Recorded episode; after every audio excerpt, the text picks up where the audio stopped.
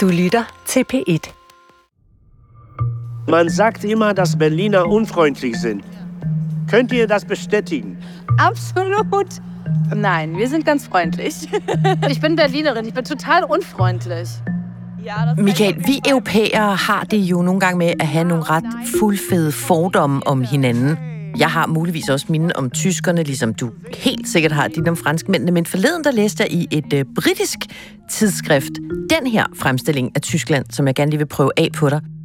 Grumbling is part and parcel of everyday German life, often with complete strangers. Det kunne godt i mine ører lyde som beskrivelsen af franskmænd, men er der noget om det her? Er tyskerne også sådan over gennemsnittet utilfredse? Ja, det kan jeg godt ikke genkende til.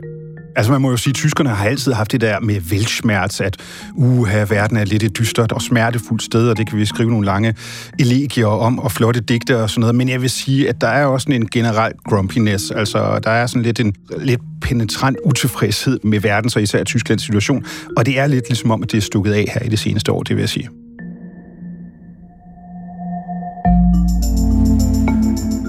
Det stikker simpelthen af i Tyskland, eller rettere, de stikker af i Tyskland. Tyskerne udvandrer i stor stil, blandt andet her til øh, Danmark, hvor antallet af tyske tilflytter i Sønderjylland er femdoblet bare på tre år. Nogle trænger bare til luftforandring, andre har hørt godt om Danmark. Dem, der flytter, de drømmer. De drømmer om fred og ro og mit ID og rejsekort. Kort sagt en digitalisering og en infrastruktur, som rent faktisk virker. De vil have et afslappet liv, de vil gerne købe en nedlagt landbrug, og så virkelig godt at strømme.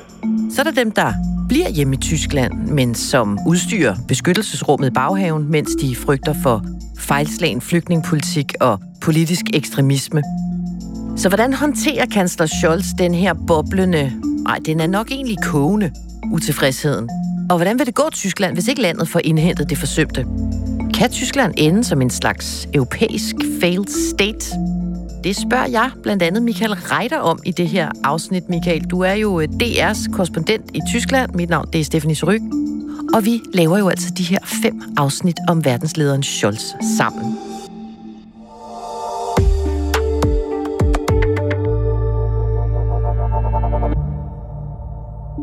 Michael, kan du forstå de tusindvis af tyskere, som tager flugten i de her år?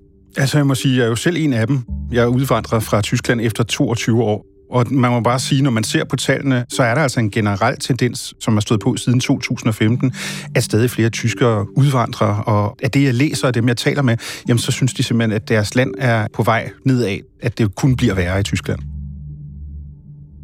Har du nogle af de samme overvejelser som mange af de andre i statistikkerne, der forlader Tyskland de her år? Ja, det tror jeg. Altså, at der er den her klare oplevelse af, at Danmark bare er et meget mere moderne land, at øh, folk generelt er sødere ved hinanden her i landet, at ting fungerer bedre. Og jeg har øh, børn i skole og institution, og der har jeg også oplevet på den hårde måde, at det er altså ikke lige så godt som i Danmark skolebygninger, der falder fra hinanden, skoler, der slet ikke er digitaliseret, hvor alt foregår på papir, og efter nogle meget gamle, sådan lidt øh, den sorte skoleagtige principper. Jeg er spændt på at høre, om Danmark kan leve op til dine øh, fordomme eller forventninger. Jeg kommer til at stå og tude efter tre uger. Det tror jeg også. Nå, men Michael, for at forstå øh, patienten Tyskland her i 2023, så må vi jo selvfølgelig se på, hvornår symptomerne brød ud. Så vi tager lige en tur tilbage til 2020. Øh, Den tyske kansler Angela Merkel er i karantæne efter at være blevet behandlet af en læge, der siden viste sig at være smittet med coronavirus. Hun nåede dog at annoncere et forbud i Tyskland mod, at man mødes flere end to på åben gade. Der Weltgemeinschaft die Auswirkungen des Coronavirus zu bekämpfen. Du kalder coronakrisen for et øh, vendepunkt for Tyskland. Hvordan blev den det?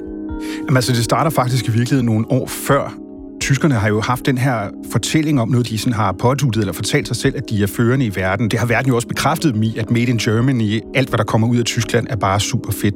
De er bedst til alle mulige ting.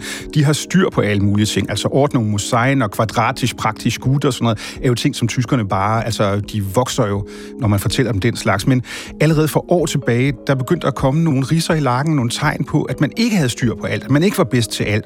Så kom flygtningekrisen, som jeg vil sige var den første store øjenåbner, og selvom Angela Merkel sagde, vi schaffen das, så var oplevelsen i Tyskland af, at der schaffen wir nicht. Altså at man meget hurtigt blev overbebyrdet af det her kæmpe store ryk ind ude i kommunerne, og i det hele taget var der en følelse af kontroltab. Og hvis der er noget, tyskerne ikke kan lide, så er det at miste kontrollen. De kan nemlig godt lide, at de har styr på tingene.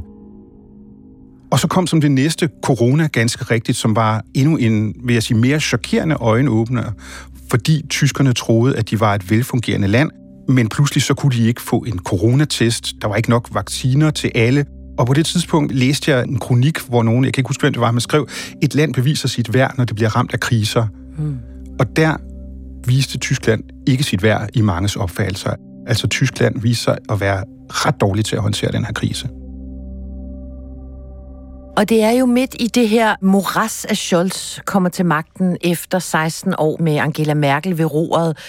Vi har været lidt inde på det i et tidligere afsnit, men hvordan ser tyskerne på frau Merkel efter hun har forladt butikken nu, hvor de pludselig så, at det også til dels var en butik, der rodede temmelig meget?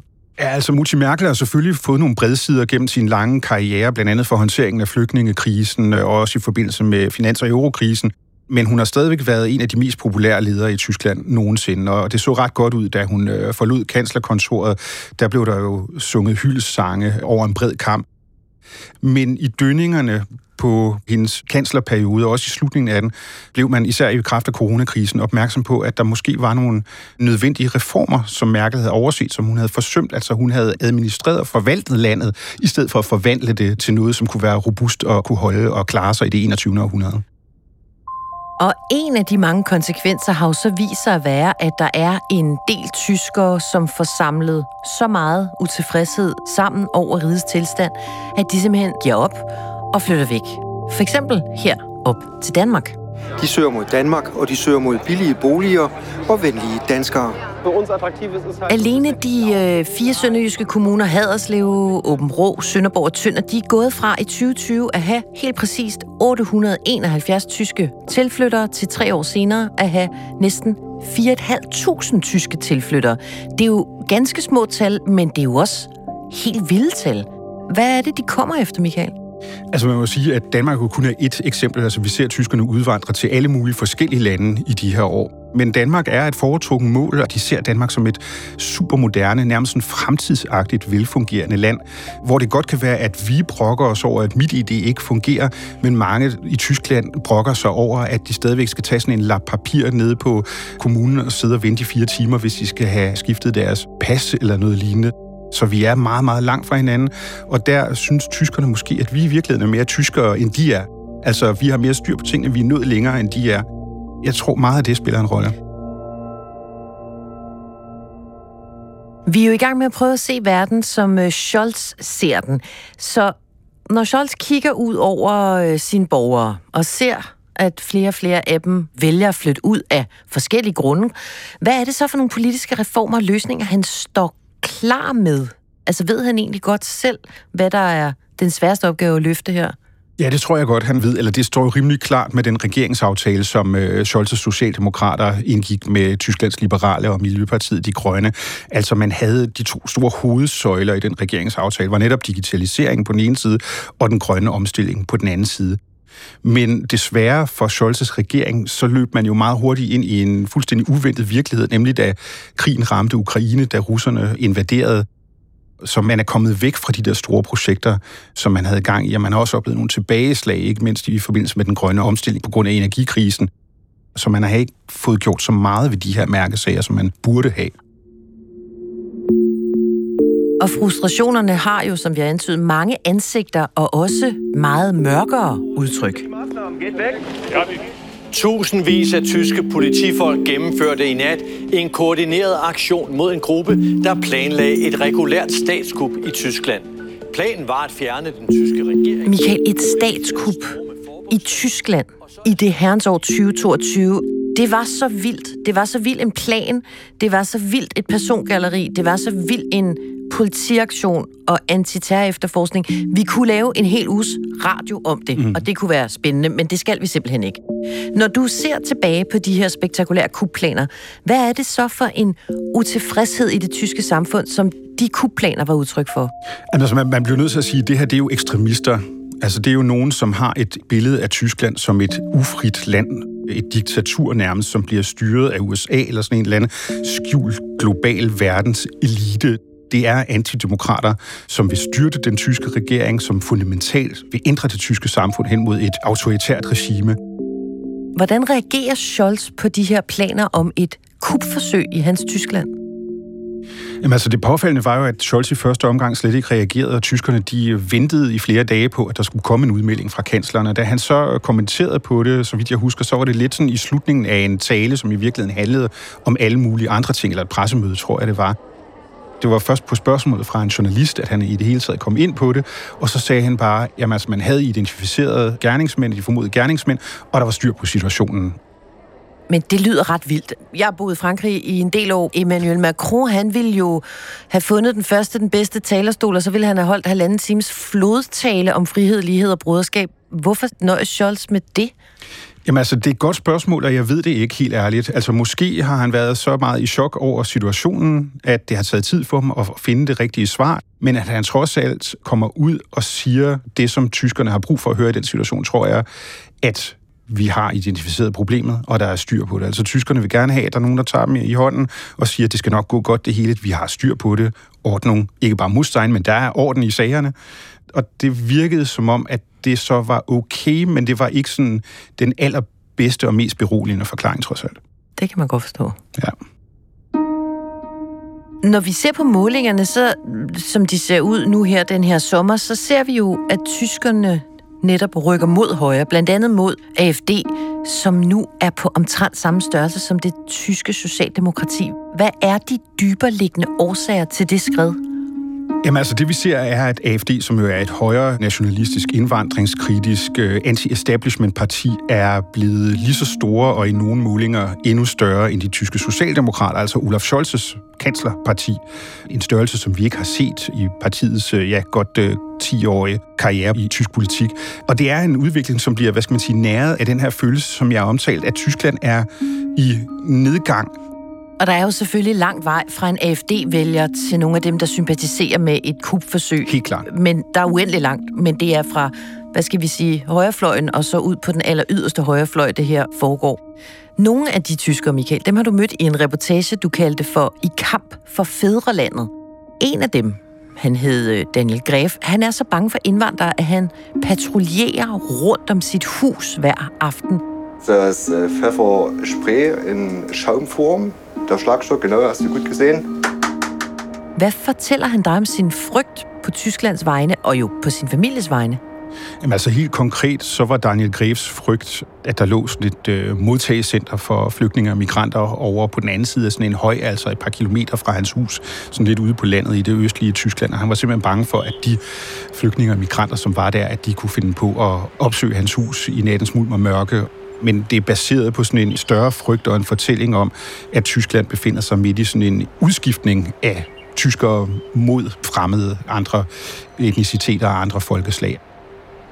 Og han har også en campingvogn i baghaven, som han vil grave ned og indkapsle i beton, fortæller han dig, mens han viser dig rundt om i sin baghave. Ich würde den dann äh, ins Erdreich einlassen wollen und dann wie eine Art äh, Betonschalung machen. Hvorfor vil han det? Jamen, det var en ret utrolig oplevelse, det han tog mig med om i deres øh, baghave og viste mig den her gamle østtyske campingvogn, og så øh, optegnede sådan et, øh, et stykke græsplæne, hvor han sagde, her der kommer jeg til at grave et stort hul, fordi jeg vil nedsænke min campingvogn. Den skal fungere som beskyttelsesrum, hvis det skulle blive nødvendigt.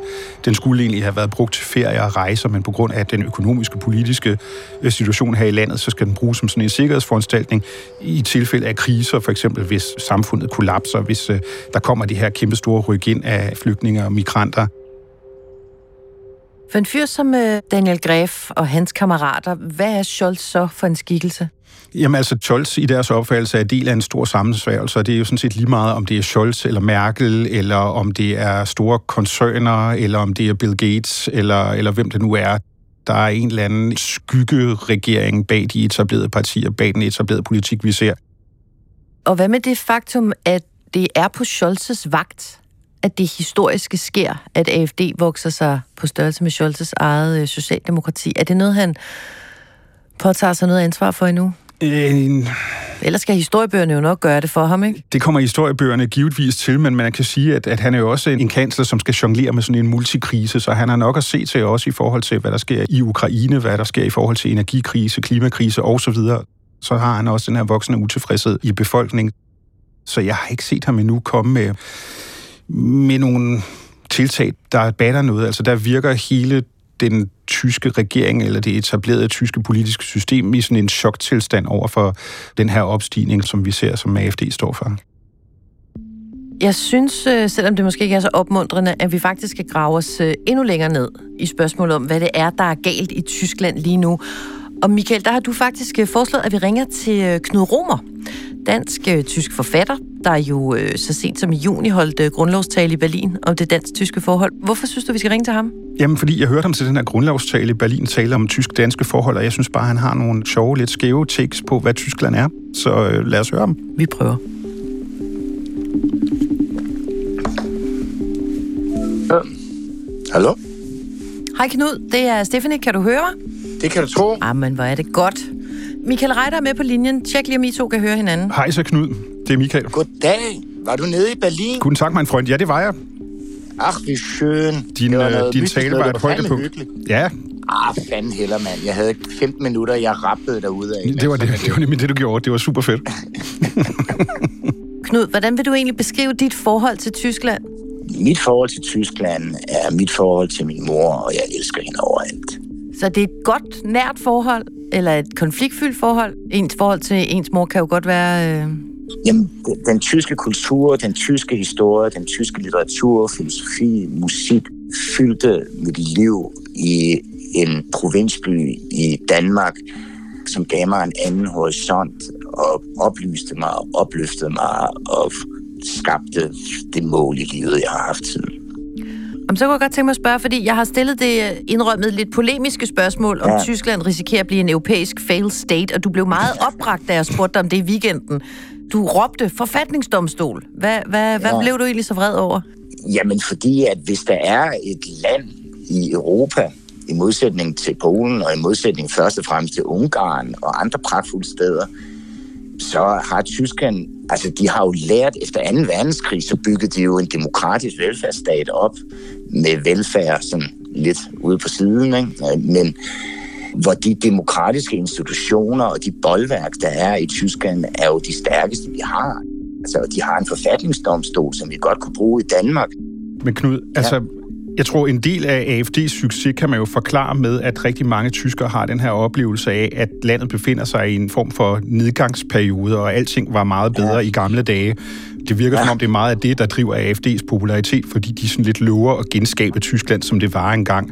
Altså, ja, ja. Så, så alt er jo ikke super fedt i Tyskland, hvis det er oplevelsen. Nej, er du sindssyg, mand. Der er så meget fattigdom. Der er så mange mennesker, som har svært ved at klare dagen og vejen. Og som sagt, i sådan et stort land lægger det sig jo sammen.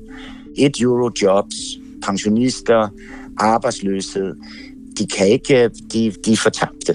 Der er en enorm stor social underklasse, ligesom i Amerika. Man kan ligesom sige, at stormen mod kongressen er ligesom den alvorlige version af den her operette-konspiration mod staten i Tyskland. Altså, den tyske socialstat er ikke specielt velfungerende. Det er den ikke. Det er derfor, det minder mere om Amerika end Danmark. Stadigvæk. Ikke? Fordi at folk, de skal skulle klare sig selv. Og det kan de ikke. Og hvis du ikke kan det, jamen så bliver du jo modstander mod den stat, der bestemmer. Og hvor tyrer man så hen? Vi europæere kan jo godt have en forkærlighed for at have relativt fuldfed fordomme om hinanden. Nu læste jeg forleden, at øh, det britiske magasin The Spectator kalder tyskerne for brokkehoveder. Kan du genkende ja. det billede? Nej, det kan jeg faktisk ikke. Altså, tyskere er faktisk i modsætning til danskere, som er kvævlandforrygte læsesbrevskribenter, og englænderne, der melder sig ud af EU, fordi de brokker sig. Så at Tyskland er et meget hierarkisk samfund, og det er et samfund, der lægger lov på, at du ikke forløber dig i brokkeri. Så tyskerne er jo vant til at bide tænderne sammen.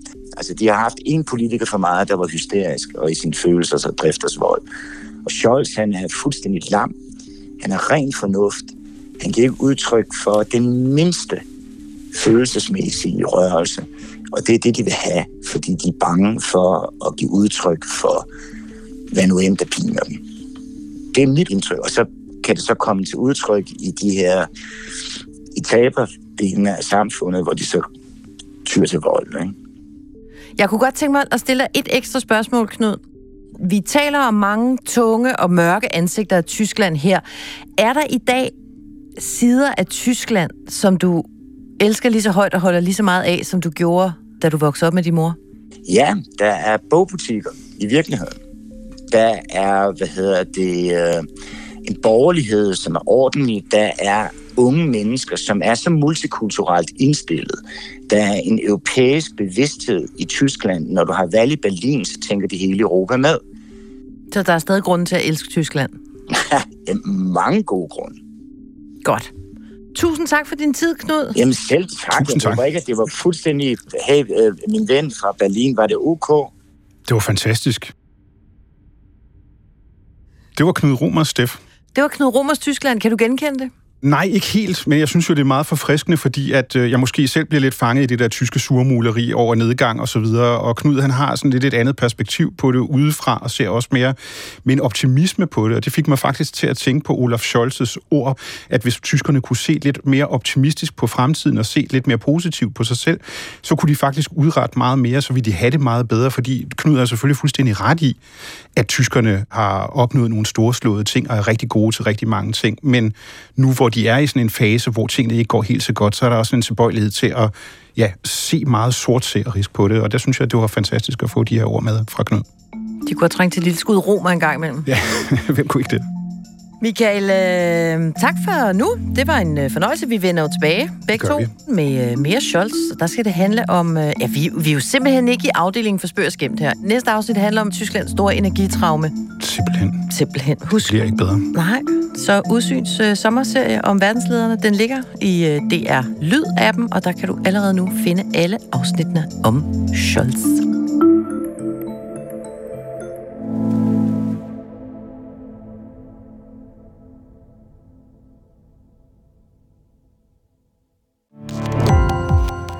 Gå på opdagelse i alle DR's podcast og radioprogrammer. I appen DR Lyd.